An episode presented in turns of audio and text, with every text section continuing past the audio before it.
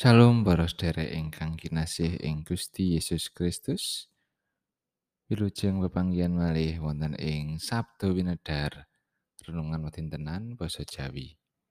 Sesarengan kita badhe ngegilut sabdanipun Gusti, monggo kita ndedonga.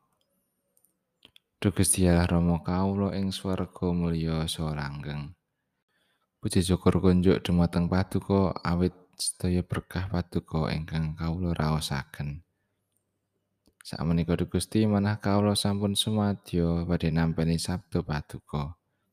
Sumangga mugi roh suci paring pepadang ing manah kawula. Satemah kawula kasagetaken mangertosi dawuh Paduka. Tasih kathah dosa kelepatan kawula Gusti, mugi Gusti kersa ngapunteni. Sedaya panyuwun lan masambat kawula menika. Kawula unjukaken lambaran asma dalem Gusti Yesus Kristus. Amin.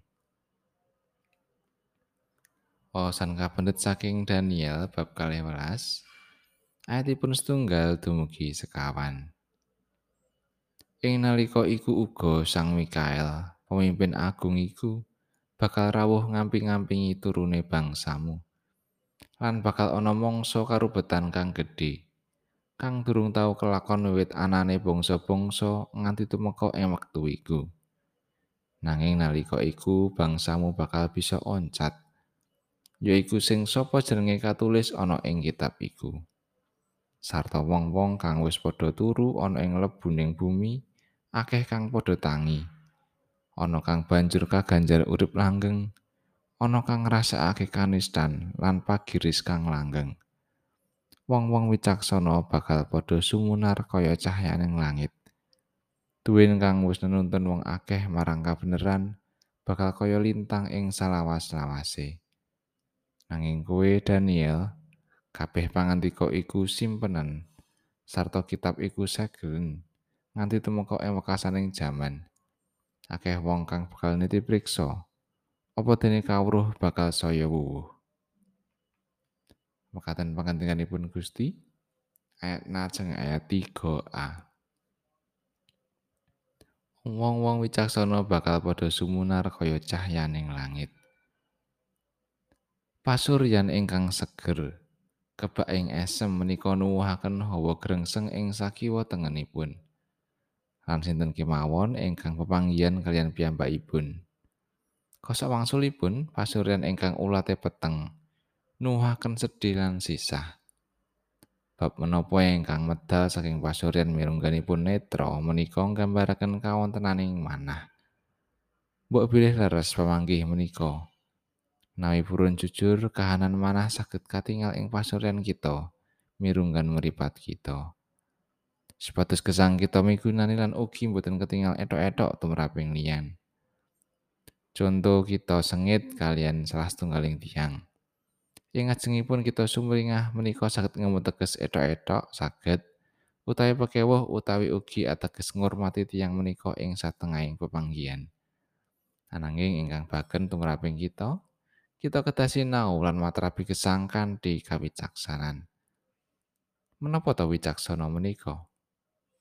manut KBBI tegesipun tiyang ingkang migunakaken nalaripun seserapan lan pengalaman kaolah lan kaasah saha ngatos-atos ing panemu tumraping sadenge kahanan ing gesangipun dene tumraping kita nalika kaolah lan kaasah menika kacundukaken kalian kersaning Allah sebatas prayogi samudayanipun dene manut Amsal setunggal ayat pitu wedi asih marang Yewah iku wiwitaning kawruh. Nanging wong bodho padha ngremehake kawicaksanan lan pamerti. Dados nalika kita kepengin gesang kanthi wicaksana, supados sumunaring gesang kita menika kadya cahyaning langit, inggih menika kawitan saking wedi asih dumateng Gusti.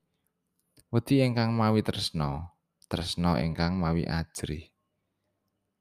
cedhak tanpa singgolan adoh tanpa wangenan menika minangka hormat lan bekti kita kunjuk Gusti Allah. Menika mbetahaken proses merunggan nalika abenajeng kalian kawontenan ingkang boten kita ajeng-ajeng. Supados pasinaon kita bab kawicaksanan sang saya mantep lan menep ing manah lan gesang kita. Amin.